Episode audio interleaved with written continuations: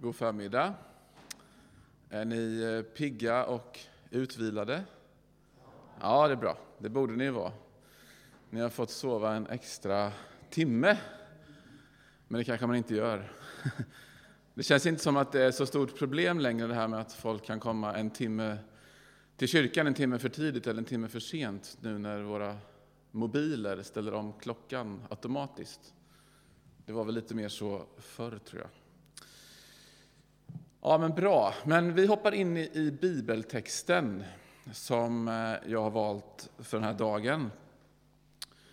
Och eh, det är från Markus evangeliet kapitel 3, vers 31. Nu kom hans mor, alltså Jesu mor och hans bröder. De stannade utanför och skickade bud efter honom. Det satt mycket folk omkring honom och de sa, din mor och dina bröder är här utanför och söker dig. Jesus svarade dem, vem är min mor och mina bröder? Han såg på dem som satt runt omkring honom och sa, det här är min mor och mina bröder. Den som gör Guds vilja är min bror och syster och mor. Amen. En kort text idag. Och vi kommer till en text som vid första läsningen kan kännas lite hård och kantig. Det finns ju några sådana texter i Bibeln, det vet vi om. Utanför templet, när vi kom in i berättelsen, så, så väntar alltså Jesu bröder och hans mor. Vi får veta att Jesus har en, en familj. Och man skulle kunna, kunna gissa då att, att det var svårt att komma in där för att det var mycket folk. Så man skickar in ett meddelande till, till Jesus som sitter och undervisar folket om eh, livets viktiga grejer, om Gud. Och det här meddelandet når Jesus och säger din familj är här ute, de söker dig. Och det är då som Jesus säger det här som kan uppfattas som lite kontroversiellt. Vem är min bror och mina bröder? Och han såg på dem som satt runt omkring honom. Det här är min mor och mina bröder. Den som gör min Guds vilja är min bror, syster och mor. Och jag tänker så här att det mest naturliga här hade väl varit att han hade bett familjen komma in och, och sätta sig och så tar vi det här sen det de vill, vill ha sagt. Alltså varför ska han göra en grej av det här? Vad är det frågan om egentligen? Har Jesus glömt det här som står i Andra Mosebok 20 och 11, att du ska hedra din mor och far? Har han helt tappat budorden? Har han glidit ifrån det här med de judiska värderingarna redan? Är det verkligen okej okay att säga så här? Eh, för några år sedan gick det ett tv-program på SVT som hette Den enda sanna vägen. Och eh, det var hon, reporten Anna Lindman, som undersökte, eller hon besökte det som hon klassade som, som sekter. Eh, så. För att kolla lite djupare in i hur de tänker. och så. Det var scientologerna, Jehovas vittnen, Monrörelsen, Plymouthbröderna om ni känner till dem. Och ett tydligt tecken på en, en sekt, det är att ledaren sakta men säkert drar in sina efterföljare in i rörelsen och matar dem med, med budskap. Ganska starka budskap, ganska smalspåriga budskap. Och sakta men säkert så rensar deras förmåga att tänka fritt och självständigt. Och även sakta men säkert så klipps banden till den egna familjen. För de är inte längre viktiga. De står liksom i vägen för någonting större. Och då är det bättre att kontakten bryts. Det var det vi såg i Knutby till exempel. Är det det som Jesus håller på med?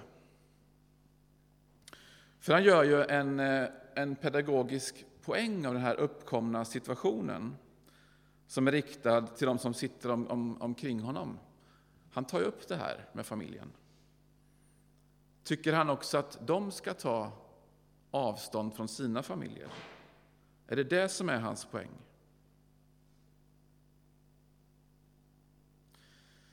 Och självklart är den här texten lite jobbig att läsa för alla de som tycker att det är svårt att göra mamma orolig, ledsen och besviken. För det är ju det som Jesus gör i den här texten. Maria blir ju förstås både ledsen och besviken på Jesus. Är det kärleksfullt? Men det är väl så, ibland måste vi ta en, en riktning i våra liv. Och en del av oss har varit med om det här, tror jag. Vi måste ta en riktning i våra liv som våra föräldrar kanske inte förstår. Som kan skapa relationsmässiga spänningar.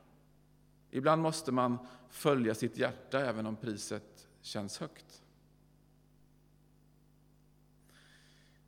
Men vi kan inte läsa den här evangelietexten utan att titta på vad som står i verserna innan. Och det är ju alltid bra att göra när man läser en bibeltext, att få ett sammanhang. På teologiskt språk kallas det för kontext. Vad är kontexten? Vad är sammanhanget? Om vi tittar på det som står i, precis innan det som vi läste, från vers 3 och 20. När Jesus kom hem samlades folket på nytt så att han och lärjungarna inte ens kom åt att äta. Hans anhöriga fick höra det och gav sig iväg för att ta hand om honom. De menade att han var från sina sinnen. Alltså, de hade kommit, de var där för att ta hand om honom. För att han var från sina sinnen. Alltså, han hade spårat ur, tänkte de. Okej, nummer ett här är ju då att Hans familj förstår just nu inte den riktning som Jesu liv är på väg att ta. De ville ju ta hand om honom, kyla ner honom, få honom att bli lite mer måttlig, normal, kanske. Och nummer två i detta är att de inte riktigt förstår hans auktoritet. Och då ska vi ju tänka på att det är ju Maria som kommer här. Det är Maria som står där, som själv hade fått ett änglabesök om att hon skulle föda Guds son. Som själv hade en, inom sig en pålande längtan och en pålande hemlighet inuti sig själv. Det är hon som står där utanför. Hon förstår inte riktigt vem han är. Och om vi bromsar här ett ögonblick, eh, just det, vi, just det som händer här, för Marias liv är många gånger våra egna liv, våra liv. Vi har vetat, vi har upplevt och vi har sett, men mitt i livet, någonstans, så har vi tappat bort någonting. Vi förstår inte riktigt vem han är och vad han vill.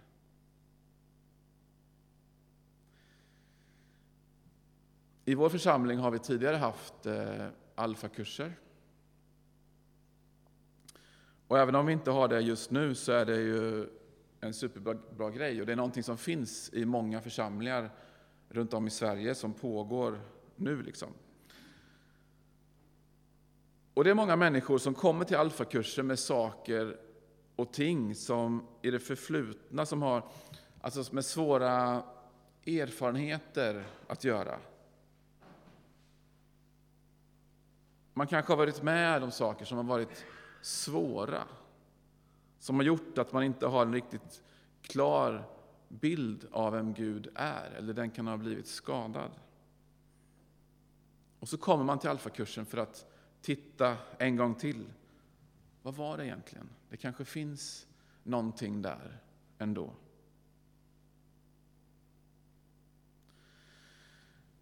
Och Jesus behövde kanske avskärma sig lite från de här välvilliga ambitionerna som, som hans familj hade. De ville väl, men de hade inte hela den andliga bilden klar för sig då. Annat, så, annat blev det ju senare, när både Jesu mor och hans bröder ja, men de blev en del av, av, av urkyrkan. Och, och någonstans så hade poletten trillat ner. Och, jag, och, vi kan ju tänka oss att de säkert vid flera tillfällen senare skrattade lite åt den här, kanske skrattade åt den här händelsen och situationen. Ja, men kommer du ihåg när vi skulle åka och, och hämta honom för att vi, vi trodde att han hade tappat förståndet? Eh, kommer ni ihåg det? Hur kunde vi? Då visste vi inte riktigt.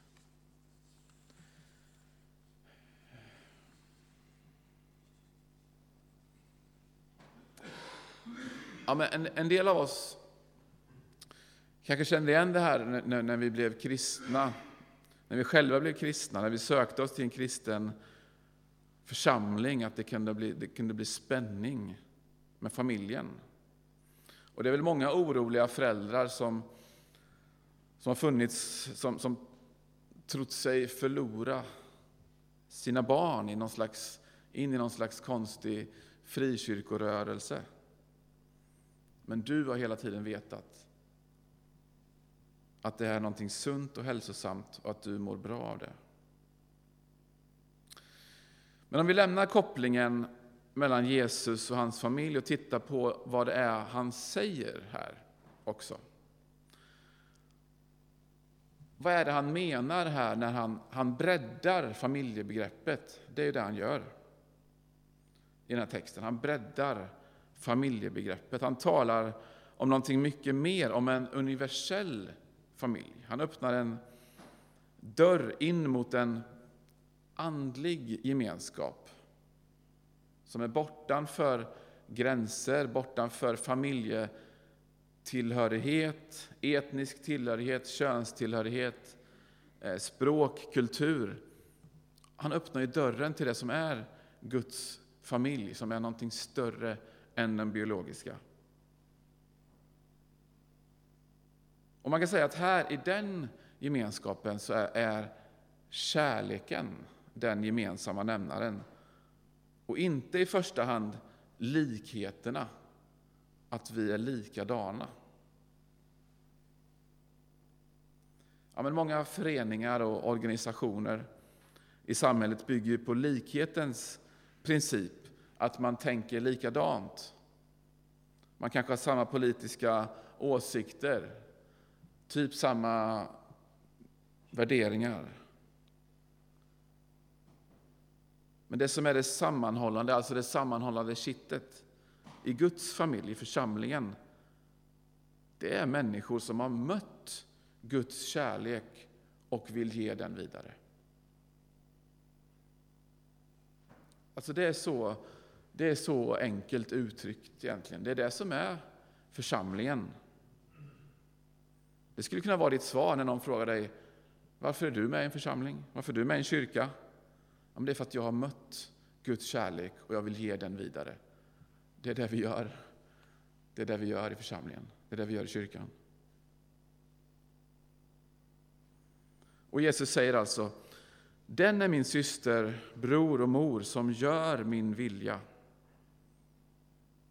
Det handlar om att vilja dra sig, söka sig mot centrum, mot kärlekens centrum. Det är det som är det fantastiska med en församling, när vi hjälper varandra att, att göra just det.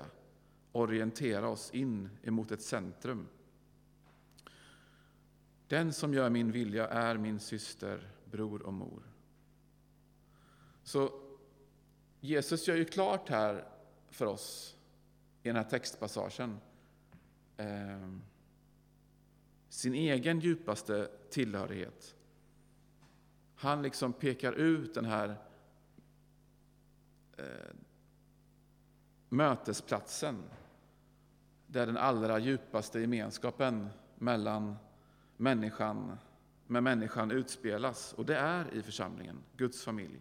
Det är där Jesus och hans vänner, hans familj stämmer möte. Det är vid nattvardsbordet. Det är i den lilla gemenskapen, den nära gemenskapen. Det är i sångerna och så vidare.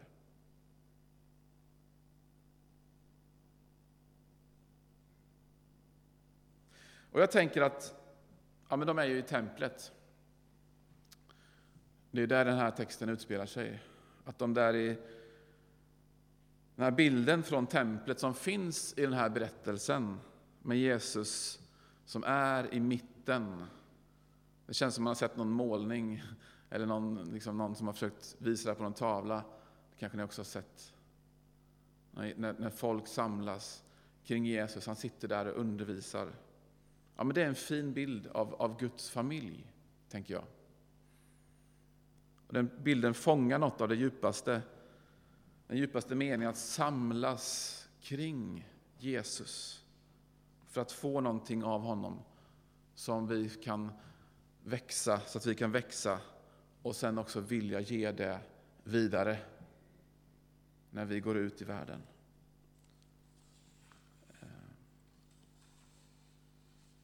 Så var har du din djupaste tillhörighet? Hur tänker du här? Kan du ha fastnat i tröttheten över det som inte fungerar i kyrkan? Håller du dig på en armlängds avstånd för att du har svårt att motivera dig att lägga engagemang på andra människor? Har du kommit till den punkten då du inser att din, din almanacka inte rym, riktigt rymmer andra människor? Eller har du kommit till den punkten där du känner att Guds familj är ute efter att ta någonting från dig? Vad har du din djupaste tillhörighet? Hur, hur tänker du här?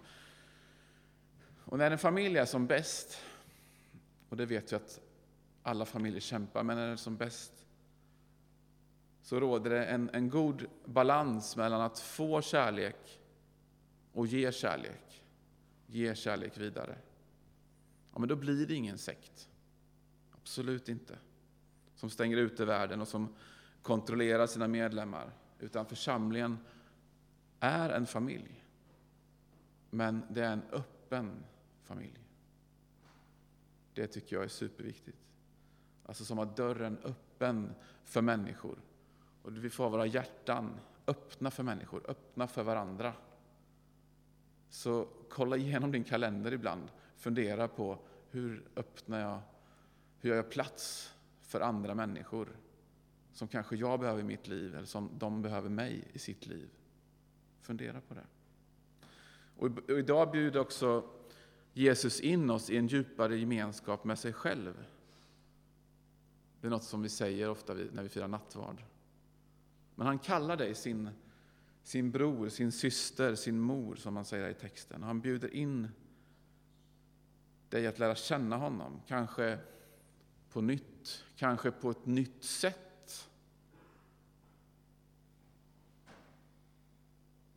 Och han välkomnar dig in i en gemenskap, och det kan vara den här gemenskapen, som jobbar på att visa kärlek och, och föra den vidare. Jesus hade sin tillhörighet till, ja men vi kan kalla det sin församling, lärjungarna och de var ännu fler. Så gör som Jesus, ta, ta församlingen på allvar. Kom in i gemenskapens centrum, sätt dig vid Jesu fötter så får vi leva tillsammans och motivera varandra att ta emot kärlek. För det behöver vi. Vi behöver kärlek. Det är inte bara en klyscha. Eh, det är så. Eh, och församlingen ska inte bara vara ett där man kommer för att ge någonting, utan man får också ta emot. Och den här balansen blir som ett flöde. Ge, ta emot för att kunna ge, ge för att kunna ta emot och så vidare. Och Gud har valt det här sättet att stötta och bygga varandra så att det blir en bra balans mellan det du får och det du ger. Så att du inte hela tiden går och har soppatorsk i ditt liv. Ta emot Guds kärlek och ge den vidare till en värld som är så i så desperat behov av den, av våra händer, av våra fötter. Amen. Tack Jesus för den här utmanande texten som får oss att fundera på vår tillhörighet. Ehm, att vi får vara, tillhöra dig, Gud, som har tagit in oss i din familj. Ehm, tack för det Jesus. Hjälp oss att ta emot kärlek från dig och ta emot kärlek från varandra och ge den vidare. För vi behöver det, vi behöver det. Vår värld behöver det, Gud. Ehm, hjälp oss att vara ljus i en mörk värld. Hjälp oss att vara, komma med värme där det är kallt. Komma med gemenskap där det finns så mycket ensamhet, Herre. Visa oss var och en. Eh, uppmuntra oss där vi står, eller utmana oss men också som gemenskap. Att du visar oss din väg rätta. Eh, öppna våra hjärtan, Herre. Gör oss mjuka inför dig. Amen.